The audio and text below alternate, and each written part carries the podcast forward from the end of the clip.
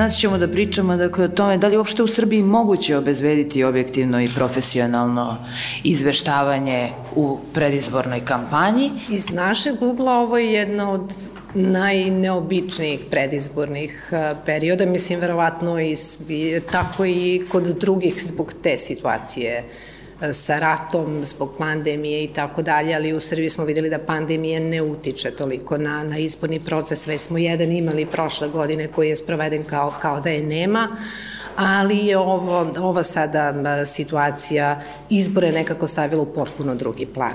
Mi inače Južne vesti u nekim globalnim razmerama su jedan tako mali medij, u srpskim razmerama ipak smo kao srednji mediji i privatni mediji, ali ono što mi radimo u izveštavanju jeste da smo zapravo javni servis na području na kome ovaj, izveštavamo, to je naše opredeljenje. I kad kažemo kao šta ćemo u kampanji, kako ćemo javni servisi imaju obavezu da sve stranke budu ravnopravno predstavljene kod njih, apsolutno svi, apsolutno svi koji učestvuju na izborima. Mi tu vrstu obaveze i predstavljanja. Nemamo, ali mi to radimo, planiramo i takve emisije, s tim što se predstavnici vlasti nerado odazivaju. Po onome što do sada primećujem kako je krenula kampanja, da oni zapravo za, za tim i nemaju potrebe, jer ono što mi vidimo što se dešava u Nišu, što se dešava na jugu Srbije jeste vrlo izražena funkcionerska kampanja, nema nikakvog oglašavanja u bilo kojim medijima, ali zato ne postoji više granica između stranačkih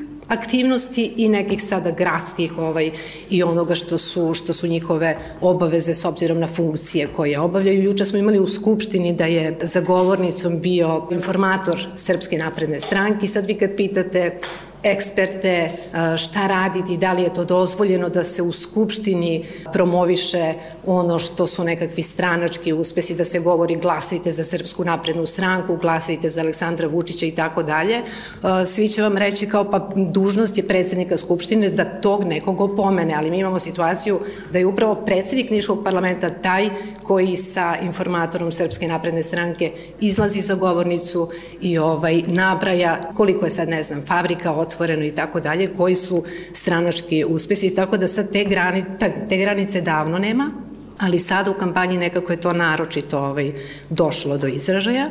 Nama je jako teško, s obzirom na to da je naša obaveza da građane Juga Srbije informišemo o svemu što se dešava, da izbegnemo da upadnemo u zamku te funkcionerske kampanje i, način, i da nađemo adekvatan način da profesionalno izveštavamo, jer vi imate sada lokalne funkcionere na ne znam koliko događaja dnevno otvara se, odnosno ne otvara se, nego se najavljuje otvaranje nečega, neprestano se počinju neki novi radovi, novi kapitalni projekti koji će možda biti završeni, možda neće.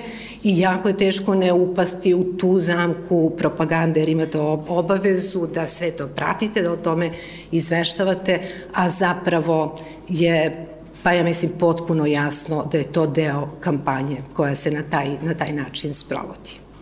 Ja sam zaposlena na radioteleviziji Vojvodine i predizborni program radiotelevizije Vojvodine u velikoj meri učestvujem u onome što je predizborni program radiotelevizije Vojvodine. Mi smo se dogovorili i ove godine kao i prethodnih godina, ja sam na Vojvodini sedam godina i sve izborne liste koje su se do sada pojavile imaće svojih 35 do 40 minuta u pravom uglu. Dakle, sve one koje je verifikovala Republička izborna komisija. Ova priča sa izborima i kako će oni izgledati u medijima zavisi od dva faktora. Zavisi od medija i zavisi od vlasti, odnosno, odnosno političara.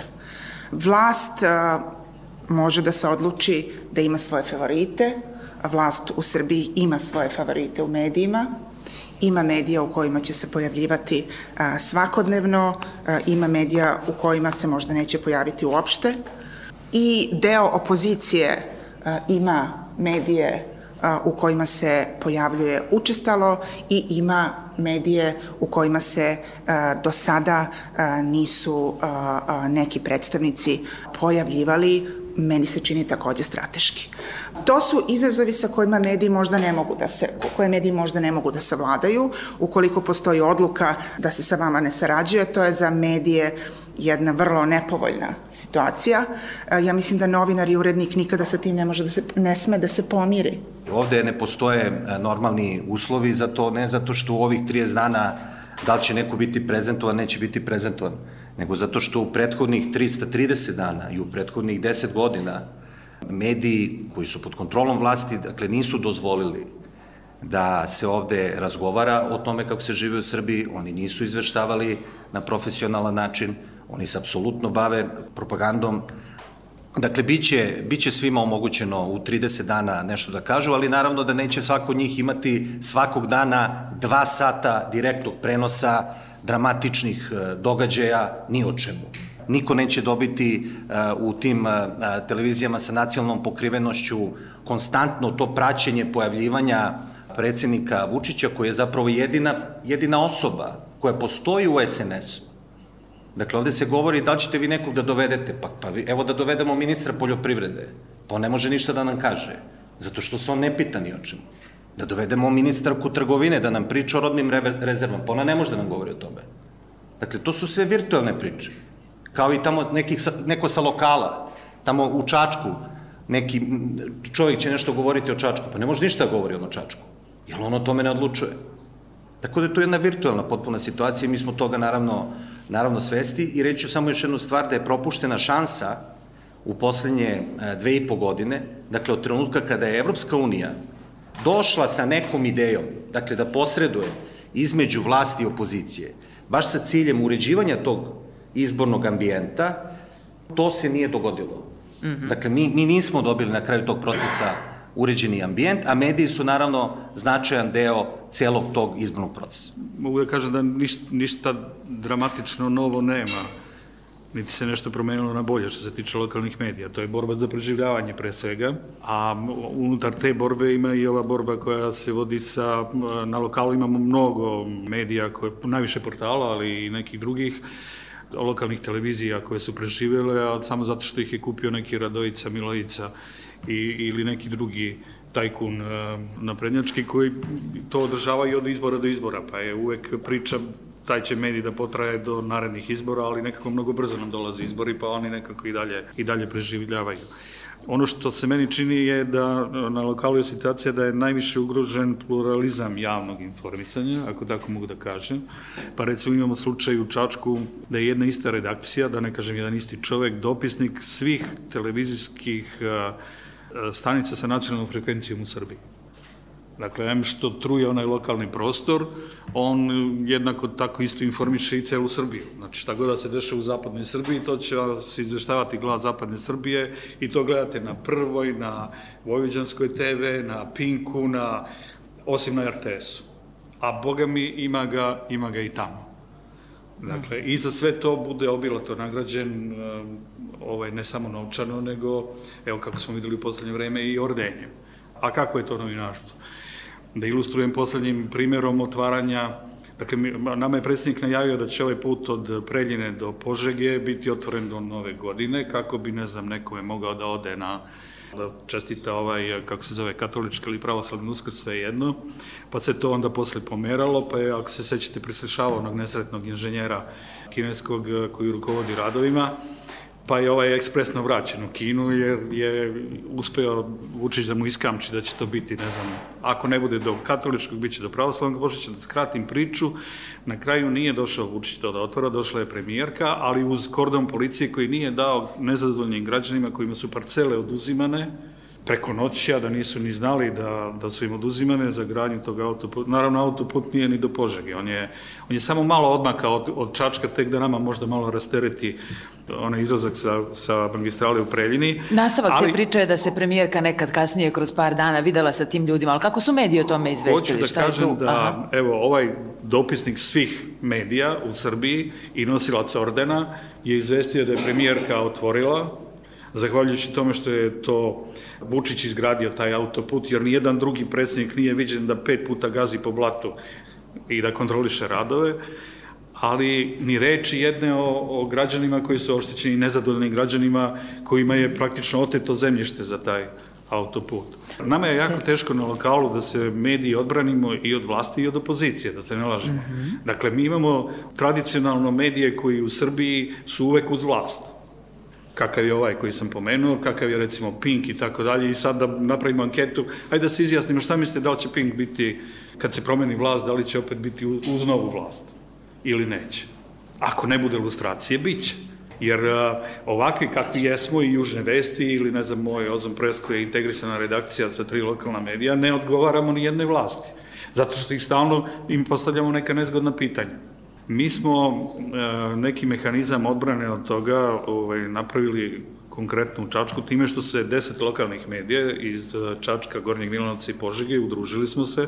Najpre smo zajedno napravili medijsko sklonište uz pomoć gradarskih inicijativa prošle godine, a sad smo ušli u zajednički projekat Zajednički glas za slobodu medija i e, produciramo sadržaje radijske za novine i za portale, dakle za te platforme na kojima se sada bavimo temama kao što su zloupotreba javnih resursa u izbornom procesu. Mi smo imali jedno dve predizborne kampanje u, u kojoj se, recimo, da, jedna je, jedna je bio slučaj, dakle, ignorisali su nas u predizbornoj kampanji, ali onda su rekli, a dobro, ajde, posle izbora ćemo doći. I onda je to trajalo možda mesec dana, pristajali su da dolaze i onda su ponovo prestali. Dakle, njihova odluka. A, imali smo situaciju da su, čini mi se da li prošli, sad sam više i zaboravio, predprošli izbori, da su došli, ali su oni sami pravili kombinacije koje su njima odgovarale, tako da, na primer, o izborima u Šapcu je pričao uh, ispred SNS-a čovek koji je vodio Beograd ili je bio funkcioner u Beogradu u tom trenutku, što nema nikakve logike. I onda smo shvatili da ni to nije normalno. Dakle, shvatite zapravo da vi, kao mediji, kao novinari, pravite u krajnjoj liniji taj kompromis zato što vas neko konstantno tlači I onda kao, e, ajde, sad su pristali, ajde da dođu. Dakle, mi stvarno imamo jedan drastičan primer neodazivanja političkih aktera u određene e, televizijske emisije i uopšte medije. Možda su najtipičniji primjeri baš N1 gde ljudi iz vlasti neće da dođu nikako, čak i kad su pozivani s druge strane, recimo, kad sam nedavno bio na televiziji, prva voditeljka koja je razgovarala sa mnom pokazala mi je spisak koga je sve zvala iz opozicije i sada tu više nema ni onog rezona da pitaju ko će da bude drugi sagovornik, treći sagovornik pa da se na osnovu toga opredeljuju, nego jednostavno odmah kažu da neće. A je li vama to isto kada vlast neće da ode na N1 i opozicija neće da ode na prvu ili na Pink? Mi sada nemamo, kako da kažem, dovoljno e, vremena i dovoljno manevarskog prostora da na taj način analiziramo tu pojavu. Naravno da nije isto jer znamo šta je čemu uzrok, šta je čemu posledica. Ali e, mi smo sada mesec dana pred izbore i ja ponovo naglašavam, mi zbog građana moramo na neki način da učinimo sve da se ti ljudi pojave. Šta ste vi zaključili do sadašnjim svo, svojim nadzorom? Zaključili I, smo... I kažite mi šta mislite da je svrha toga? Šta, šta kasnije smo... bude sa vašim analizama? Da, objavi danas ili objavi, ne znam, RTS i šta dalje? Zaključili smo da izvesnih malih pomaka ima Jer evo ja ću vam reći iz uh, ovog izveštaja o kome smo juče razmi, uh, razgovarali, da pazite, s obzirom na prvi izveštaj u kome recimo van parlamentarnih stranaka na javnom servisu bilo 10%, a samo predsjednika države bilo 30%, a ukupno svih organa vlasti sa predsjednikom sa vladom bilo 75%, mi sada prvi put u ovom izveštaju imamo da je van parlamentarnih stranaka na RTBS-u bilo 2% više nego onih e, stranaka koje su parlamentarne i koje su u institucijama vlasti. Zašto je monitoring nad, nad Insiderom, a nije recimo nad Euronews? Eto, o tome smo uh, razgovarali juče i e, smatrali smo, bar mi, koji nismo na predlog Rema izabrani, mm -hmm. da bi recimo bilo mnogo bolje da se monitore Tanjug, Ili K1. Ili K1. Upravo smo te dve televizije predložili da se monitoruju i uz e, naravno mišljenje da dobro da se svi monitoruju. Pa recimo i ovaj I Insider. Insider da je recimo po nama nepotrebno se Al Jazeera radi kao kroz monitoring, ali da televizija, da televizija Tanjog i K1 treba. Dobili smo odgovor da je to zaključak Saveta Rema, kome mi nismo nadređeni i može da mm -hmm. e, odluči kako hoće, ali smo mi insistirali da se to dogodi. Stojane, vi ste govorili kao bivši član Saveta za štampu, kako e, tu vrstu izjednačavanja ste primetili malte ne i u radu Saveta za štampu i to ste pominjali primer Krika. Mi imamo brojne medije, takozvane, mislim, režimske medije koji Savet za štampu ne priznaju nadležnost Saveta za štampu. Kada neko podnosi žalbu na nešto što oni rade, ali istovremeno vrlo često oni sami podnose žalbe protiv drugih medija i onda ako je odluka u njihovu korist, onda oni priznaju Savet za štampu, ako nije u njihovu korist, onda to ne priznaju. Šta hoću da kažem? Mi smo upali jednu zamku da su podnošene žalbe protiv, ajde da kažem, određenih slobodnih medija, nezavisnih i tako dalje. Pa smo imali i situaciju da je podneta žalba, recimo, protiv Krika, to je drastičan primer, mada imamo i nekoliko sličnih primjera, ali ovo mi je najlakše za ovaj, objasniti o čemu se radi. Dakle, podnese se žalba protiv Krika, doneta je jedna, ja, ja naravno nisam neko ko bi podržavao to da Savjet za štampu donosi klijentelističke odluke, pa sad ako, ako neka redakcija koja je, da kažem, bliska osnivačima, NUNSU, UNSU, Lokal Presu ili a med, ovaj, asocijaciji medija, da ne ispadnu te redakcije kraja, da idem progledamo kroz prste. Ako propusta ima, a svi radimo i svi greši, jer ko radi, taj greši. Međutim, u slučaju Krika doneta je jedna vrlo, vrlo kako da kažem, diskutabilna odluka da je prekršen kodeks. Time postiže se da onda premijerka Srbije može da kaže, evo, pa svi krše kodeks. Svi su neprofesionalni, svi oni rade, ne rade etički i tako dalje. Isto sličan primer sa time da li su izrečene mere od strane opomene da je kršen kodeks od strane onih koji konkurišu na ovim konkursima za sufinansiranje ili kod ministarstva ili, ili kod pokrajine ili u lokalnim samoupravama.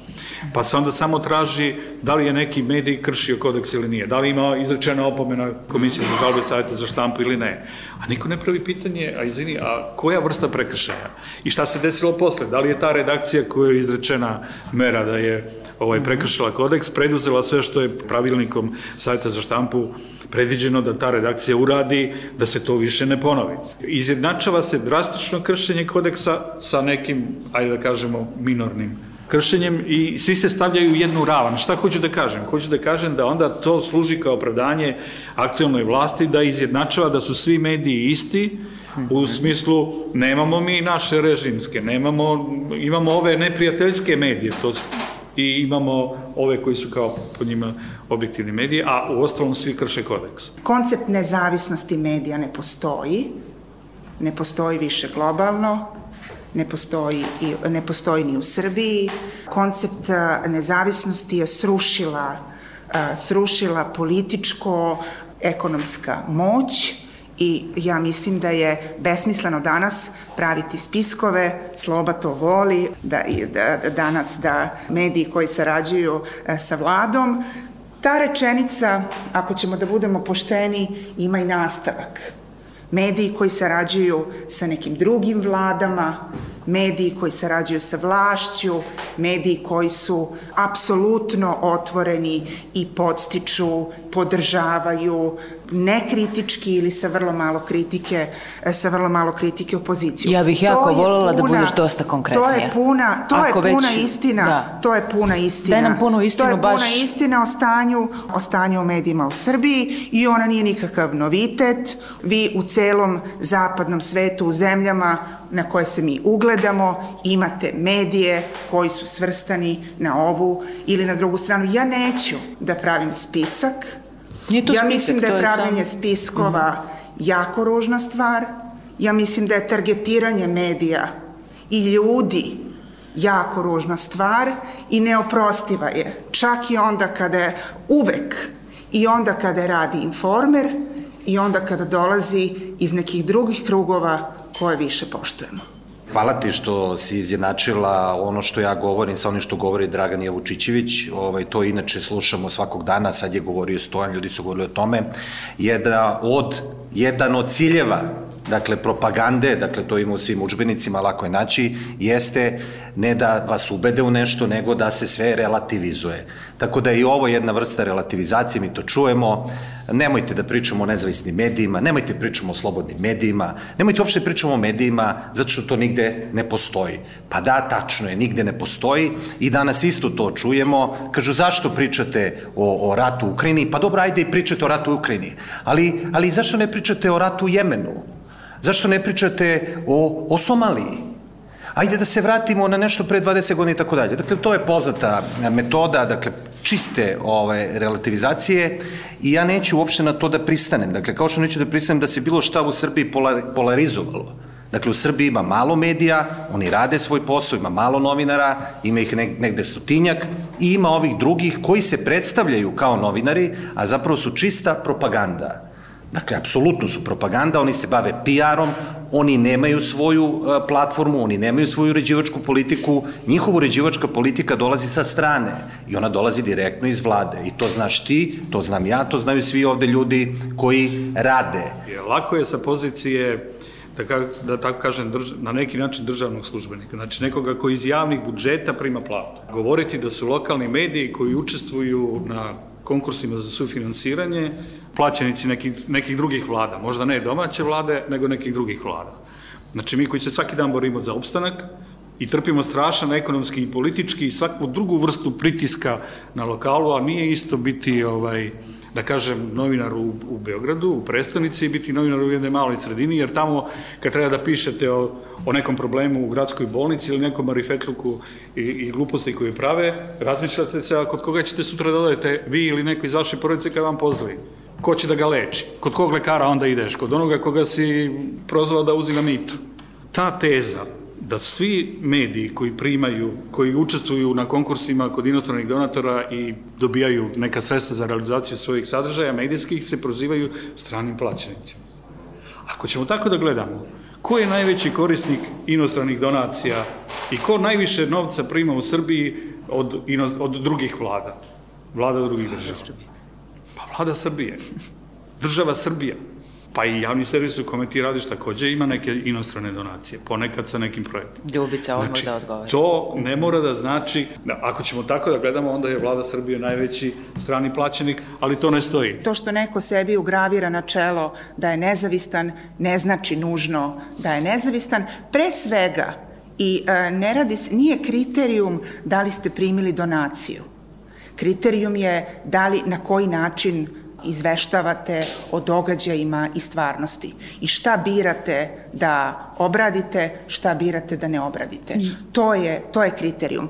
A o, o tome da postoje mediji koji su, da, javni, dva javna servisa su na budžetu, kako kaže, kako kaže Stojan, to mene ne čini saradnikom vlade Srbije. Da biste tu tezu plasirali, morate da je dokažete, kao što ni vas donacija Švedske ne čini stranim plaćenikom ili saradnikom e, druge države. Ali u Srbiji postoje mediji koji jesu naslonjeni. Glas Amerike, Slobodna Evropa, Russia Today, Sputnik, u prvom intervjuu kada je pokrenut Newsmax, gospodin iz Amerike, čija je sestrinska firma ovdašnji naš Newsmax, a tamo je televizija direktno vezana za Trumpa i njegovu desnu ruku Richarda Grenela. Govorio je u intervjuu sa Slobodanom Georgijevim o njegovom prijatelju Diku Grenelu. Dakle, postoji bliskost sa jednom ili drugom političkom opcijom koja se ne može samo pripisati, a priori pripisati samo spisku e, jednom, a praviti se da ovaj drugi, e, da ovo drugo viđenje stvarnosti ne postoji. Mislim da je jako pogrešno da se odavde čuje da koncept nezavisnosti ne postoji, zato što postoji. S tim što je cena takvog koncepta zapravo jako visoka, odnosno čine ga ljudi koji nemaju cenu. Sad je, ne znam, evo, Stojan, Stojan je tu, mi se kao lokalni mediji ovde držimo zajedno, ali mi zaista taj koncept živimo. I mislim da je jako loše da se odavde to čuje posebno u atmosferi u kojoj mi živimo, gde je i inače veliko nepoverenje javnosti u medije i da mi sad na taj način dodatno doprinosimo tom nepoverenju takvim generalnim ocenama. Ne mislim da treba da se ćuti ovim primerima, naprotiv, mislim da je naša obaveza da ih kao što o svemu ovaj, javno iskreno govorimo, da iznosimo i te primere i te naše propuste. Najveći neprijatelj mog medija sam ja sam. I ako ne odbranim svoj medij od samog sebe, onda sam u opasnosti da će da izgubi taj medij poverenje da kažem, a to on nešto, neku svoju politiku tamo kreira. I do sad sam uspevao u toj borbi. Lako je, ljubice, lako je vama u javnom servisu da se igrate kredibilitetom. Ne kažem ti lično, ali bilo ko od vas. Znači, ja apsolutno stojim iza toga da, evo, za kratko za, sad ću ja ti kažem, za kratko vreme RTS je ponovo potpuno izgubio svoj kredibilitet. Direktora, glavnog urednika postavlja vam država, vlast, aktivna vlast. I oni vam kreiraju politiku uređivačku. Kakva je ta politika, vidimo, vidimo i kako funkcioniše jedan servis i drugi servis.